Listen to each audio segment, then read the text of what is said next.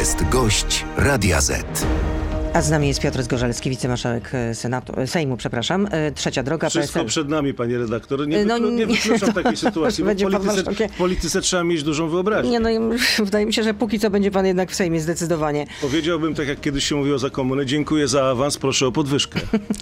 No o podwyżkach to myślę, że marzy wielu ludzi w tym kraju. Nowa No odsłona właśnie, jest... panie redaktor, marzyli nauczyciele i w święta dowiedzieli się, że tych podwyżek nie będą mieli. Pewnie nie dziękowali panu prezydentowi za to. Mm, Nie trzeba było się pochwalić jednak, mówię tutaj o koalicji rządzącej, ale mamy póki co nową e, odsłonę wojny o media publiczne i minister kultury postawił e, spółki takie jak TVP, Polskie Radio, Polska Agencja Prasowa w stan li, li, likwidacji. Byliście zaskoczeni takim e, działaniem ministra, czy też byliście poinformowani wcześniej, Nie że to jest byliśmy- kolejny krok, który wykona minister kultury? Nie byliśmy zaskoczeni, pani redaktor, całym tym przebiegiem zdarzeń, natomiast też nie byliśmy wtajemniczani w szczegóły, bo takiej potrzeby nie ma. Każdy minister, każda osoba, która wchodzi do rządu, do władzy, bierze odpowiedzialność za swoje działania, ale przecież pan minister Sienkiewicz nie dzwonił do wszystkich członków koalicji rządowej i mówi, słuchajcie, mam taki plan na jutro, a do na wszystkich, no ale może zadzwonił do prezesa e, Kośniaka. Pani redaktor, y, jesteśmy odpowiedzialni za te działania, które podejmuje minister Sienkiewicz, ponieważ jest częścią rządu, który tworzymy. Taka jest odpowiedź i taka jest logika działań. No ale czy to Powiedzieć siłowe można- przyjęcie, czy to siłowe e, przejęcie TVP się panu podobało? Nie podoba mi się to, co robią politycy PiSu w, Ale ja pytam o przejęcie to, że na przykład wyłączono TVP Info, że przyszedł szef Rady Nadzorczej wybrany Moje przez e, osobiste wrażenie ministra Sienkiewicza pyta? z jakimś osiłkiem, jak to opisywano. O moje osobiste pani pyta. Tak. Tak. ja byłem za tym, żeby ta e, telewizja przestała produkować e, tego typu materiały, które szczuły ludzi na ludzi, które była telewizją partyjną, a na pewno nie była telewizją publiczną i co do tego nie mamy wątpliwości. Ale wie pan, że są Tymczasem- wątpliwości prawne, które zgłasza na przykład Helsińska Fundacja Obrony Tylko, Praw pani Człowieka. redaktor, oczywiście, tylko jeżeli nie ma prawa, bo istocie w tym zakresie nie było prawa, to nie ma czego łamać, bo przecież wiemy, że y, konstytucyjny organ, Krajowa Rada y, Radiofonii i Telewizji została, można powiedzieć, wyzerowana, jakby wy, wy, wylogowana ze swojej działalności. No dobrze, ale nikt nie, zak- ale, ale Trybunał Konstytucyjny nie zakwestionował póki co redaktor, konstytucyjności Rady Mediów Sama Narodowych. pani wie, że to jest dyskusja dla prawników na 20 godzin i na końcu tej drogi też by nie było ostatecznego rozstrzygnięcia, bo jedna strona nie przekona drugiej. Czy, była, e, czy to było w logice działania państwa to, co zrobił minister Sienkiewicz? Moim zdaniem tak. Państwo polskie, które, a władza, która bierze odpowiedzialność za losy narodu, musi także brać odpowiedzialność za losy wspólnoty, że te, żeby tej wspólnoty nie dzielić, jak to było przez ostatnie 8 lat, tylko żeby tę wspólnotę spróbować połączyć. Będzie to trudne zadanie, ale taka jest logika działania tego rządu. Tymczasem co robi głowa państwa, pani redaktor? Bo o to tutaj dzisiaj należy się zapytać, że No tak zawetowała naprawdę, ustawę okołobudżetową. Głowa państwa moim zdaniem tą swoją decyzją y, strzeliła sobie podwójnego samobuja. Pierwszy samobój to dotyczył tego, że ja naprawdę rozmawiałem, pani pewnie też miała okazję przy świątecznym stole rozmawiać z kimś, kto w sferze budżetowej pracuje i liczył na te podwyżki. Ja rozmawiałem z osobami, które liczyły na tę podwyżkę. Ale będą, a- przecież wczoraj premier podpis- Tusk za, za, zapewniał, że jednak podwyżki będą i że ale nie ma się wczoraj zapewniał, no ja mówię o, o, o, o obiedzie świątecznym, kiedy pracownicy, którzy liczyli, sfery budżetowej, którzy liczyli na podwyżki, wiedzieli, że decyzja pana prezydenta pozbawia ich tych podwyżek. To jest pierwsza sprawa. Drugi samobój pana prezydenta polega na tym, że tak naprawdę chcąc ratować to, co e, dla PiSu było ważne, czyli telewizja partyjna, umożliwił, tutaj cudzysłów robię, ministrowi Sienkiewiczowi zastosowanie tego ruchu dotyczącego likwidacji. Naprawdę, A, jeżeli czyli w to takim jest, razie to jest- prezydent Duda ułatwił taki krok ministrowi ja- Sienkiewiczowi, Ale tak? proszę być, e, pa- panie doktor, uczciwy wobec mnie. Ja powiedziałem, że zdaję cu- cudzysłów, żeby nie rozwijać tego, co, co tak naprawdę wszyscy rozumiemy. Że w, tą decyzją dał taką ścieżkę, y, bo przecież jeżeli nie ma pieniędzy, bo przecież sam zawetował te pieniądze na telewizję publiczną, to logiczne jest, że trzeba zrobić coś, co się nazywa restrukturyzacją w oparciu o likwidację, o proces Tak likwidacyjny. de facto było wam to na rękę. To jest, to jest logiczne, panie redaktor. To Czyli nie de facto było wam to to na nie rękę. chodzi, pa- panie No redaktor, tak, to- ale nie tak spłycajmy sprawy, że to komuś było na rękę. To ma być na rękę obywatelom, bo wszyscy obywatele za to płacą. A co zrobicie z tym wetem pana Wszyscy- prezydenta właśnie? Otóż, pani redaktor. Bo na przykład Ryszard jestem Petru uważa, że trzeba to zignorować. Jestem wicemarszałkiem Sejmu, ale nie, nie potrzeba być wicemarszałkiem Sejmu, żeby wiedzieć, że pan prezydent może tylko jedno posiedzenie Sejmu zwołać. Które? No to pierwsze. To pierwsze. Tymczasem już to pierwsze zwołał. Natomiast kolejne posiedzenia Sejmu zwołuje marszałek Sejmu w porozumieniu z prezydium Sejmu i muszę pani powiedzieć, że na 10 i 11 stycznia To wiemy, ale ja pytam, co zrobicie z wetem? Czy w ogóle będzie przegłosowywane, czy będzie zignorowane? Pan czy to jest... prezydent y, Andrzej Duda z- ze swoim, e, ze swoim wetem zostanie jak Himmelsbach z angielskim. My dokonamy... e, w- y, Czyli co to nowych- Może pan powiedzieć expressis verbis, co to oznacza? To oznacza, że y, rząd przedłoży nowy projekt ustawy okołobudżetowej i y, większość parlamentarna będzie się pochylała nad rządowym projektem, I a nie nad... zostanie zignorowane, tak? Rozumiem. W ogóle nie będzie poddane pod głosowanie, tak? Nie, dlatego, że pan prezydent nie uzgadniał w- żaden sposób y, tych działań, więc jeżeli nie uzgadniał, to niech liczy na tych, z którymi, że tak powiem, jest sfraternizowany, czyli ze swoją grupą polityczną. Bo przecież wiemy dobrze, pani redaktor, te wszystkie zapewnienia pana prezydenta o tym, że jest, że jest prezydentem wszystkich Polaków, z- rozbijają się o ścianę w momencie, kiedy dochodzi do praktycznego działania. A skoro dochodzi do praktycznego działania, to zawsze pan prezydent Andrzej Duda staje po stronie y, Prawa i Sprawiedliwości. Można powiedzieć tak, że chociaż wyszedł z PiSu, to PiS nie wyszedł z pana Andrzeja Dudy. A do czego ma to nas zaprowadzić? Mówię teraz o tej, mm, o tej procedurze likwidacji TVP, y, Polskiego Radia i PAP-u. Do restrukturyzacji, do y, z takiego jakby urealnienia także funkcjonowania. Odchudzeniu tych No instytucji, tak, tak? no bo skoro nie ma na to pieniędzy, bo pan prezydent zawetował, to trzeba te instytucje odchudzić. No ale co mówi na przykład Krzysztof Czabański, szef Rady Mediów Narodowych, że to jest kolejny rympał i że tego nie można zrobić bez zmiany ustawy o radiofonii i telewizji i o, i o papie. To, to żaden autorytet pan Czabański, który bierze grube pieniądze za zasiadanie w Radzie Mediów Narodowych i instytucji, która nie ma tego przymiotu, który wynika z konstytucji. Bo Ale przy- w bo Radzie przymiot- Mediów Narodowych, przypomnę, również zasiadają przedstawiciele bo przymiot, wcześniejszej opozycji, bo teraz przymiot, który, y, który y, został obdarzony do mm, definiowania swojej aktywności w zakresie mediów, to się nazywa Krajowa Rada Radiofonii i Telewizji, ale została oczywiście, podobnie jak KRS, y, skażona grzechem pierworodnym, czyli popsuto jej y, funkcjonowanie. No to jeszcze jeden w takim razie cytat, tym razem e, chyba z ulubionego przez pana Marcina Mastelerka, prezydenckiego ministra. Dlaczego że- ulubionego? No, no tam kiedyś pan powiedział, że należałoby go chyba, nie wiem, zapakować w kapto bezpieczeństwa czy coś takiego. Do tego jeszcze wrócimy, ale też w części e, m, pozaradiowej. Natomiast e, Ale zacytuję też pana. życzyłem mu wszystkiego dobrego na święta. Minister Sienkiewicz zachowuje się jako typowy agresor. Najpierw brutalnie napadł, a teraz w, wobec skutecznego oporu straszy, że wysadzi wszystko w powietrze. To dowód na kompletną bezsilność władzy. E, Blitzkrieg się nie udał. Spokojnie, spokojnie. Mm, e, Wszystko będzie tak jak trzeba. Nie jest łatwo. E, Współpraca z panem prezydentem e, nie będzie taka, jak pan prezydent zapowiadał, bo widzimy to po wecie i po innych działaniach. Teraz podobno usłyszałem, że pan prezydent będzie spotykał się z Krajową Radą Radiofonii i Telewizji. Po co, panie redaktor? Po co? No po co? Po co pan podejrzewa właśnie, się? no to ja- po co ma się spotykać? Ja, gdybym wiedział, to bym się nie pytał, a dlatego pytam, po co? Może pani wie? No ale może należało się wcześniej jednak spróbować dogadać z prezydentem, jeśli chodzi o zmianę w telewizji państwowej, nie tylko, no w ogóle mówię o mediach publicznych, zamiast jechać od razu po bandzie. O to też pytają słuchacze w taki widzi właśnie pani, sposób. jak e, pan prezydent jest zmienny w swoich nastrojach. Mam tutaj na myśli to, co zrobił chociażby w 2017 roku z ustawami sądowymi, które najpierw zawytował, a później złożył prawie ta, takie same, co e, mówił d- w sprawach dotyczących Lex TVN czy Lex Czarnek.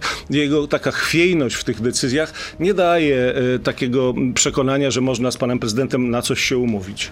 No, Ale może trzeba było spróbować. No teraz to rzeczywiście już widać, że raczej takiej żadnej e, współpracy nie będzie. No PiS nie odpuszcza. Jesteśmy otwarci na współpracę na każdym etapie z panem prezydentem i proszę nie mówić, że nie będziemy współpracować, bo jeżeli będzie taka wola ze strony pana prezydenta, to na pewno żaden lider Partii Demokratycznej nie odmówi. O owocach was poznamy. PiS nie odpuszcza i mamy do czynienia z okupacją budynków TVP czy PAP, chociaż oni to nazywają poselską, mm, poselską yy, interwencją. Nie ma pani redaktor I będzie... problemu, czy to jest okupacja, czy to jest poselska interwencja? Ja nazywam to okupacją. Ja Ja, nazywam to nazywam okupacją. Oni to okupacją. nazywają interwencją poselską, No że tak. mają do tego prawa. Dyżurują rotacyjnie. No to jest jakiś pomysł, żeby to zakończyć? No, mnie pani pyta, Tak, przecież ja nie tak. okupuję, pani redaktor, tego budynku. Znaczy, to będzie trwało i dla trwało, mnie to, rozumiem, Dla tak? mnie to nie jest interwencja, podobnie jak pani uważam, jest to okupacja. Nie mieści się to w zakresie sprawowania mandatu poselskiego, bo jeżeli y, puka y, do drzwi y, poseł Prawa i Sprawiedliwości i mówi otwierać policja, no to No ale wczoraj na pana miejscu tutaj siedział na przykład poseł Jabłoński, O. e, były wiceminister spraw zagranicznych, No. mówił, że on tam widział w papie, jak przyszli jacyś ludzie z- pod bronią. o, Tak, tak no mówił. proszę, no a ja widziałem jak się tam przepychają, niemalże przewracają ludzi, jak tam y, po korytarzach y, pląsa pan Antoni Macierewicz, prawda, No ale, z kolei, z kawą. no ale z kolei pierwszego dnia, tydzień temu, no to została poturbowana posłanka Prawa i Sprawiedliwości. Została poturbowana i nie powinna być poturbowana i tutaj nikt z posłów, bez względu na to, do jakiej partii należy, nie podszedł do tego jakoś, nie wiem, czy radośnie, czy, czy, czy, czy miał jakieś poczucie schadenfreude. No po prostu y, wszyscy współczuli pani poseł, to jest to oczywiste, tak? No ale pan y, premier zapowiedział uchylenie immunitetów posłom y, PiSu, którzy właśnie no tam dyżurują, jak oni mówią, czy też okupują. No to rozumiem, że najpierw będą jakieś doniesienia do prokuratury, tak? Moim, moim zdaniem trzeba tutaj, roz, rozwijając myśl pana premiera i starając się zrozumieć, mm, co miał w istocie na myśli, to pewnie dotyczyło nie wszystkich tych posłów, którzy tam się zmieniają, tylko tych, którzy naruszyli właśnie prawo tego typu, że na przykład podawali się za kogoś innego, jak pan poseł, e, nie wiem, który to, m, chyba pan poseł Szrot, jak się nie mylę, Chyba tak. pod, podszył się pod funkcjonariusza policji, czy też inni, którzy przekroczyli swoje uprawnienia wynikające z mandatu poselskiego. O tym pewnie mówi pan, e, pan premier Donald Tusk. A jak Piotr Zgorzelski zagłosuje w sprawie ustawy o związkach partnerskich? Otóż zapytam w części internetowej. Jesteśmy na Facebooku, na Radiu ZPL, na YouTube, więc proszę zostać z nami. Beata Lubecka. Serdecznie zapraszam. To jest gość Radia Z. Gościem Radia Z jest dzisiaj Piotr Zgorzelski, wicemarszałek e, z PSL-u. Być może kiedyś marszałek Senatu, kiedyś. No, taka wróżba, pani redaktor, e, można powiedzieć Przejęzyczenie, przejęzyczenie, ale można powiedzieć, że takie freudowskie. No. więc y, powracam do tego pytania. Jak Piotr Zgorzelski, póki co wicemarszałek Sejmu, zagłosuje w sprawie ustawy o związkach partnerskich? Wczoraj premier wyszedł i zapowiedział, że taką ustawę będzie, ten projekt pi- będzie pilotować pani minister do spraw równości Katarzyna Kotula. Widziała pani ten projekt? Nie. No to trochę z nim jest jak z Yeti. Wszyscy o nim mówią, nikt go nie widział, więc jak można zapytać się, jak będzie głosował ktokolwiek e, z członków parlamentu za czymś, czego jeszcze nie ma? No dobrze, ale można przynajmniej więcej przewidzieć, co tam będzie generalnie. No więc y, Pani redaktor, więc ustawmy sprawę jasno. Jeżeli w projekcie dotyczącym związków partnerskich będą te zasady, o których e, bardzo często mówią politycy lewicy i nie tylko, bo my także mówimy, czyli unormowania kwestii związanych z informacją medyczną, czy też sprawy dotyczące dzie- Dziedziczenia. dziedziczenia, to e, e, jeżeli to by było zawarte w tym projekcie, to nie wykluczam, że wielu posłów, dlaczego mówię nie wykluczam, że wielu posłów? Dlatego, że pani redaktor wie i pewnie większość naszych obywateli wie, że nasz klub ma ten walor, że w sprawach światopoglądowych nie ma dyscypliny. Więc wracając. Ale wracając, jak- by gdyby były te dwie rzeczy w tej ustawie, to jak zagłosowałby Piotr Zgorzelski? To nie wykluczam, jeżeli byłyby te dwie rzeczy, to nie wykluczam, że wielu posłów Polskiego Stronnictwa Ludowego mogłoby y, zastanowić się, czy za tym nie zagłosować. Ale czyli to jest bardzo Ale- warunkowe bardzo z waszej warunkowe, strony. Ale czyli też nie redaktor, wiem cały czas, jakby Piotr Zgorzelski bo nie znamy ustawy, a nie chcę, żeby później mnie pani ciągnęła za słowo. Ale też jesteśmy y, bardzo ostrożni, ponieważ nie wiemy, co w tej ustawie będzie. Bo jeżeli by były te elementy, no to y, A skąd są wasze takie obawy generalnie? Czy związki partnerskie nie powinny być pewnym standardem, tak jak są w Europie? Są, są te obawy y, z tego typu, y, y, mają przesłanki i się tego typu y, rodzą nam y, różnego rodzaju niepokoje. Czy w tej ustawie na przykład nie będą także zawarte y, możliwość zawierania związków małżeńskich przez pary homoseksualne, czy też adopcja y, przez te pary dzieci. I co do tego wielu posłów konserwatywnych na- należących w Polskim Stronnictwie Ale skąd obawy, że akurat takie zapisy miały się zna- znaleźć w tym projekcie? Dlatego, że o tym w przestrzeni publicznej także m, politycy lewicy mówią. No przecież my tego nie wyśniliśmy, my tego, nam się to jakby nie, nie przyśniło, tylko o tym jest dyskusja. Dlatego na pani pytanie na samym początku, jak zagłosujemy, odpowiedziałem, że po pierwsze nie widzimy jeszcze tej ustawy. Jeżeli byłyby tylko te dwa elementy, to pewnie jest to do dyskusji. Jeżeli będzie to bardziej posunięte w tamtą stronę, no to proszę się nie dziwić, pani redaktor, bo tak e, Czyli jest to pod dużym, przez czyli panią- jest to pod dużym znakiem wymieniony zapytania. przez panią chociażby Marek Sawicki i wielu y, o podobnych poglądach jak Bo on on. mówi, że nie Dla- zagłosuje. No dobrze, panie redaktor, On od razu ale, mówił, że nie ale zagłosuje. gdyby mówił, że, że, że zagłosuje, to nie byłby w PSL-u, tylko byłby w Lewicy. No proszę też uszanować Nie, no nasze... może byłby w koalicji Panie obywatelskiej. redaktor, proszę uszanować także y, poglądy innych rodaków, którzy mają y, Nie, tylko, nie tylko czy nie lewicowe. należałoby, czy państwo jednak nie jest od tego, żeby ułatwiać życie obywatelom? Ale chcę też powiedzieć, że tę koalicję tworzą ugrupowania o różnych wrażliwościach i jeśli chodzi o te pr- sprawy światopoglądowe, nie było to uzgodnione w umowie koalicyjnej. Ja tak samo jak szanuję prawo do artykułowania i formułowania swoich e, przekonań kolegom z lewicy, to także ch- chciałbym, żeby uszanowano poglądy takie, jak wspomniany Marek Sawicki. Pani redaktor, Czyli jest to pod dużym zna- zna- znakiem zapytania i wy- może być tak, że y, jednak nie uda się w tym parlamencie uchwalić u, y, ustawy o związkach partnerskich. nie wykluczam, ale też nie... Nie wyklucza pan tego. Nie wykluczam, ale też nie potwierdzam, ponieważ nie znam projektu ustawy i zawartych w nich zapisów. A to będzie projekt Czy to nie jest rządowy? uczciwa odpowiedź? My- To jest no, uczciwa Myślę, że odpowiedź. y, dla środowisk, które oczekują jednak legalizacji związków partnerskich, myślę, że pana odpowiedź będzie bardzo mocno Dla niesatysfakcjonująca. środowisk, które oczekują tego, o czym pani powiedziała, także m, ta odpowiedź musi być satysfakcjonująca, bo zarówno ja, jak i te środowiska nie znamy treści u, u projektu. No. A czy to będzie projekt rządowy czy poselski w końcu? No, mam, To skoro ma to pilotować trzeci, pani minister. Mam trzeci raz odpowiedzieć, że nie znamy jeszcze zawartości tego projektu. Jeszcze raz, pani redaktor, mówię, jeżeli... Ale jak ja rozumiem, skoro ma to pilotować pani minister Kotula, no to rozumiem, że to będzie jednak projekt rządowy. Tylko pani redaktor, jeżeli y, będą tam y, treści, które będą nie do przyjęcia dla y, środowiska konserwatywnego, jakim jest Polskie Stronnictwo Ludowe, to przecież nie będzie to projekt rządowy, będzie musiał być poselski, to jest oczywiste. A czy Magdalena Sroka zostanie ostatecznie szefową komisji, do spraw, sz- szefową komisji śledczej do spraw Pegasusa? Bo na tym wam zależy. To jest od niedawna y, członkini PSL-u. No tak. No tak, no to pytam, czy zostanie w końcu tą szefową tej komisji. Jak do końca y, sprawę doprowadzimy i uzgodnimy, to zostanie, jeżeli nie uda się tego... Ale jest, ale jest jakiś opór w koalicji. No, pani redaktor, to jest naprawdę e, drobna rzecz w stosunku do tego, co się dzisiaj dzieje w kraju. Oczywiście Ale ważna... słyszałam, że wam bardzo na tym zależy. Bardzo nam zależy, będziemy tego starali się e, przypilnować, e, przekonując koalicjantów, ale jeżeli się nie uda, to koalicja się przez to nie rozpadnie.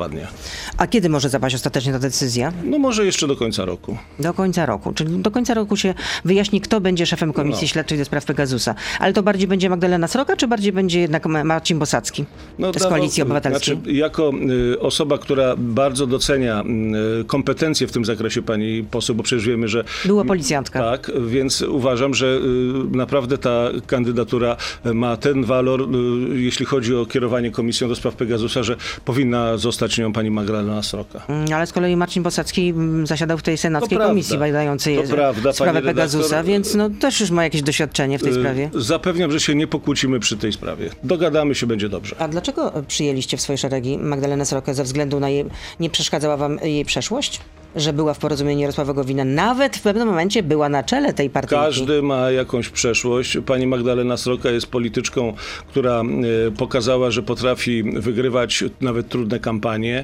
E, Odeszła wraz e, z Jarosławem Gowinem z klubu Prawa i Sprawiedliwości wtedy, kiedy wielu posłów tej partii zostało. Nie ma osobiście jakichś wielkich, można powiedzieć, przewin, będąc w tej koalicji, oprócz oczywiście tych, za które też no, w jakiś swoisty sposób przeprosiła. Uważam, że jest wartością dodaną w Polskim Stronnictwie Ludowym i cieszę się, że jest w naszym gronie. Bo rozumiem, że y, t- m, opór ze strony koalicjantów, dlatego że ze względu na jej przeszłość właśnie polityczną, że była w porozumieniu Jarosława Gowina i że tak de facto przez y, pewien czas żyrowała politykę tamtego obozu rządzącego. Byłego już. uzgodnimy temat, zapewniam. Nie pokłócimy się i nie rozbijemy się o tę kandydaturę. Y, Czytam, że marszałek Hołownia rozdzielił y, zadania mm, mm, y, wśród swoich zastępców i że pan jest takim, można powiedzieć, drugim po Bogu. No to pani redaktor tutaj teraz tak, że powiem, wysoko zawistowała. Ja wolę pierwszym zastępcą. No i co będzie należało do pana obowiązków? No, panie redaktor, po pierwsze mm, zastępowanie marszałka mm, Sejmu to jest zawsze duży zaszczyt. W poprzednich kadencjach taką funkcję pełnił, nie wiem, pani redaktor wie, czy wie kto. Marszałek Terlecki. Marszałek Terlecki, No, tak. czasem miałam wrażenie, że jest pierwszy. No, e, to już pozostawiam do pani oceny i to jest myślę, że najważniejsza, wynikająca także z zaufania, ale także z logiki tego, że... e, nale- pan bardziej doświadczony. Należy, nie, takie No, same no. doświadczenie w, w byciu wicemarszałkiem ma bardzo dobry parlamentarzysta, nasz e, e, koalicyjny przyjaciel, pan marszałek Czarzasty. No dobrze, ale wy jesteście z tego samego...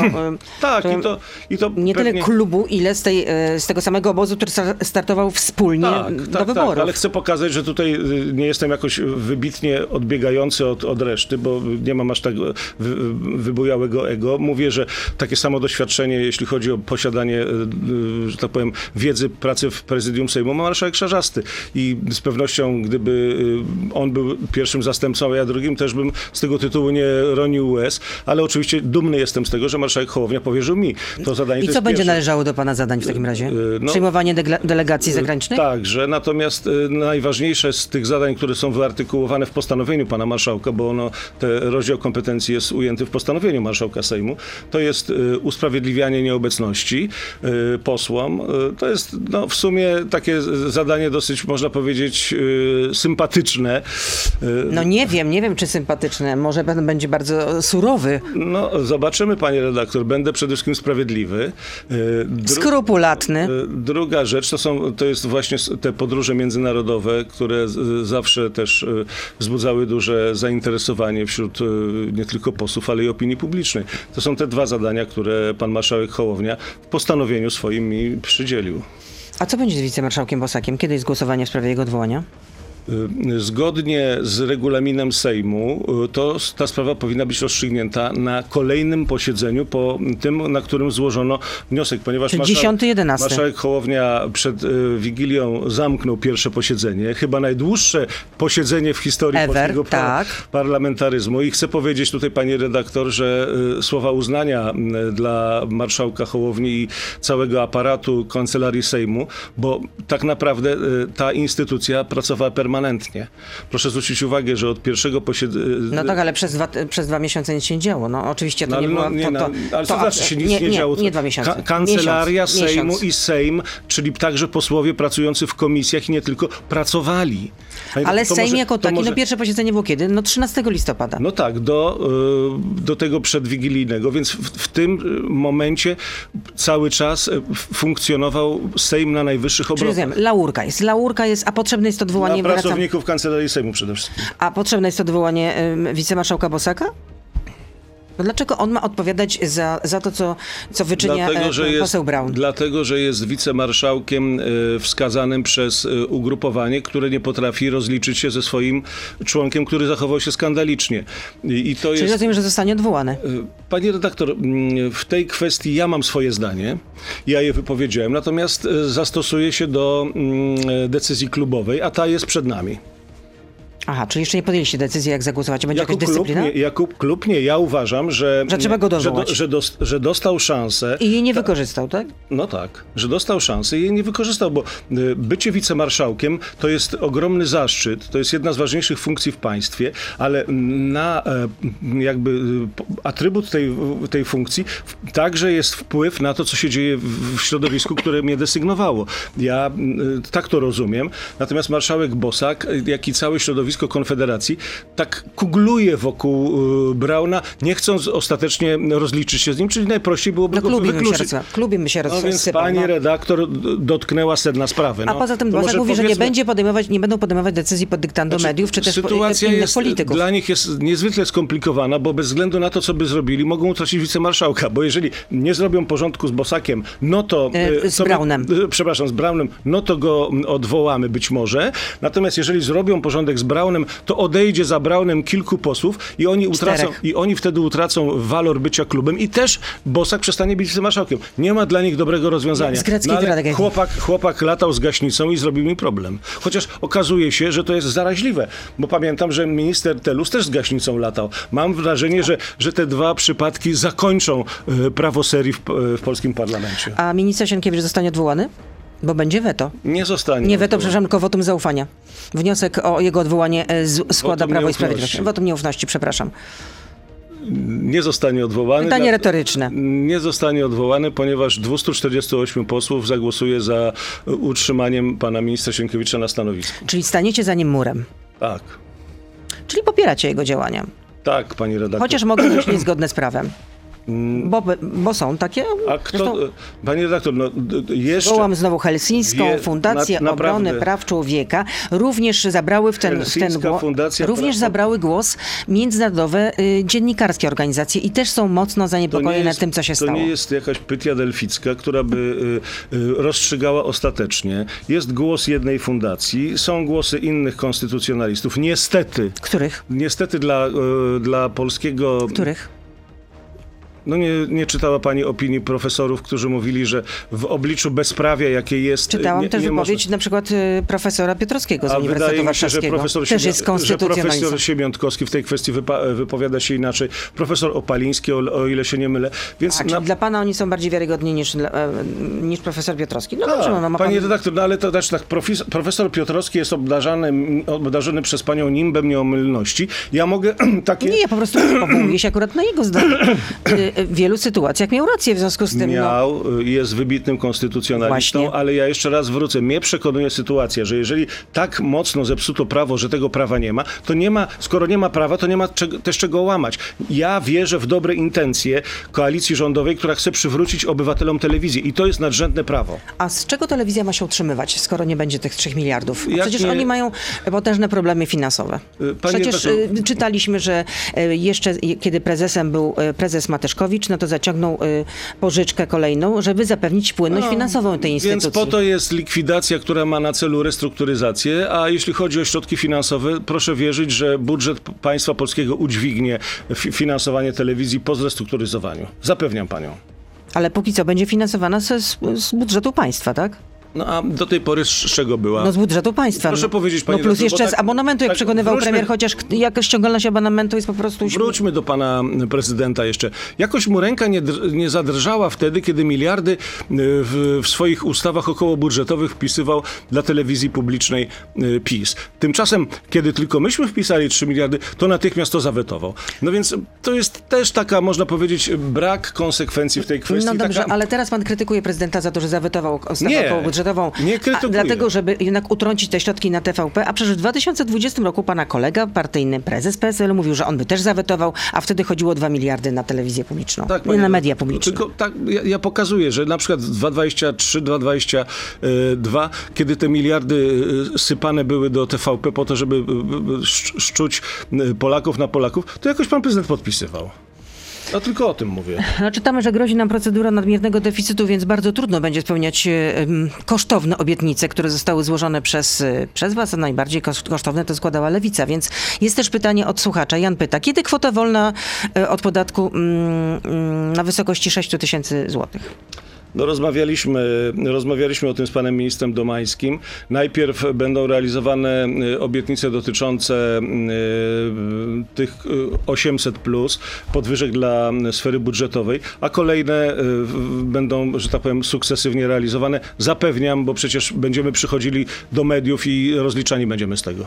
A kiedy likwidacja podatku 9% dla niepoznaki nazwanego składką zdrowotną? Y, Już nad tym y, pracujemy. Najprawdopodobniej y, w nowym roku będzie projekt, który w- może nie e, całkowicie, ale z pewnością ulży polskim przedsiębiorcom, tym, którzy płacą podatki, ciężko pracują i z tych podatków my żyjemy. Sfera Ale to w takim razie ta likwidacja tej 9% podatku byłaby od 2025? Y, To jest prawdopodobne, pani redaktor, ale jak mówię, projekt ustawy będzie najprawdopodobniej jeszcze w styczniu położony. I to będzie projekt rządowy czy poselski? No, wygląda na to, że może być nawet projektem rządowym. Mikołaj pyta, jakie jest stanowisko PSL w sprawie likwidacji Funduszu Kościelnego?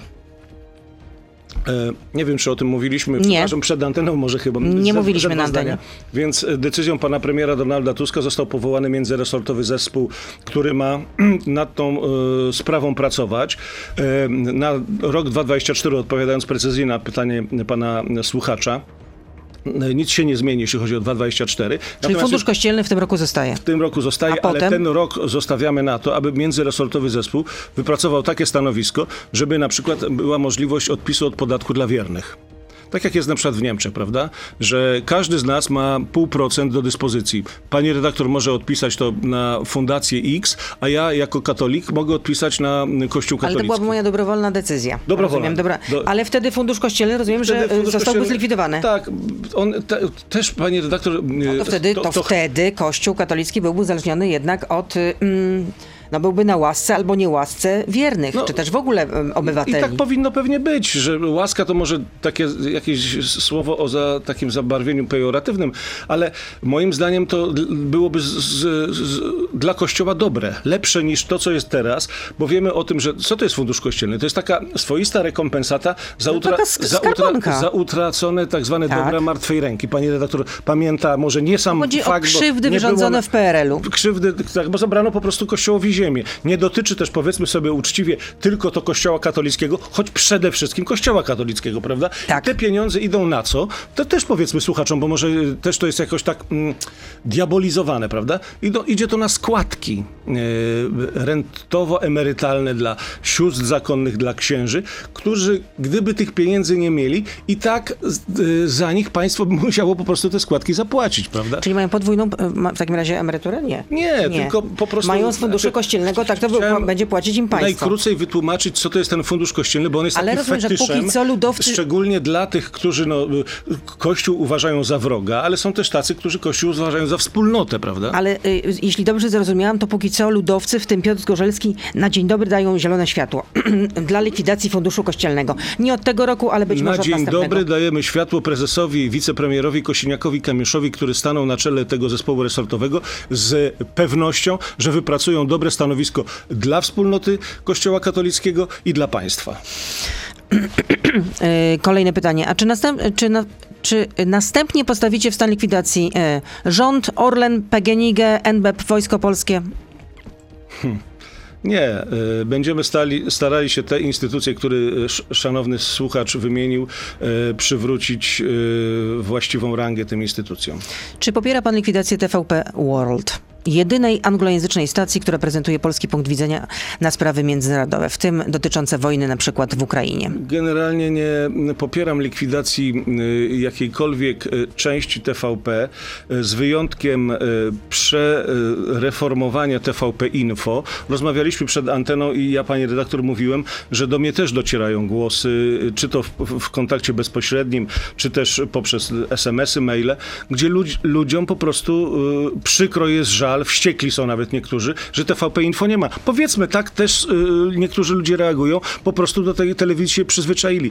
Czy y, mamy prawo dać szansę ludziom na pokazanie naszej wersji TVP Info? Mamy takie prawo i chciałbym ten y, chociaż malutki margines zaufania mieć, żeby pozwolić y, spróbować przywrócić tę telewizję nie na takich zasadach, jakich była, bo mnie osobiście, panie redaktor, bardzo raziło to, że y, opozycja była odsądzana od czci i wiary, szydzono z nas, ośmieszano nas, gloryfikowano tylko polityków partii rządzącej. No i ten czas antenowy dla mm, polityków wygląda mniej więcej tak, że 79% było dla PiSu, a reszta dla pozostałych. No pani redaktor, przecież to No, to tak było, o- ale ja pytałam o TVP nie- World, czy zostanie przy, No, Moim przywrócone? zdaniem jest to dobry pomysł i powinien zostać. Powinien zostać, czyli pan nie popiera likwidacji TVP World, czyli e, anglojęzycznej wersji mm, telewizji. No niech się świat dowiaduje to, co no, jest w Polsce.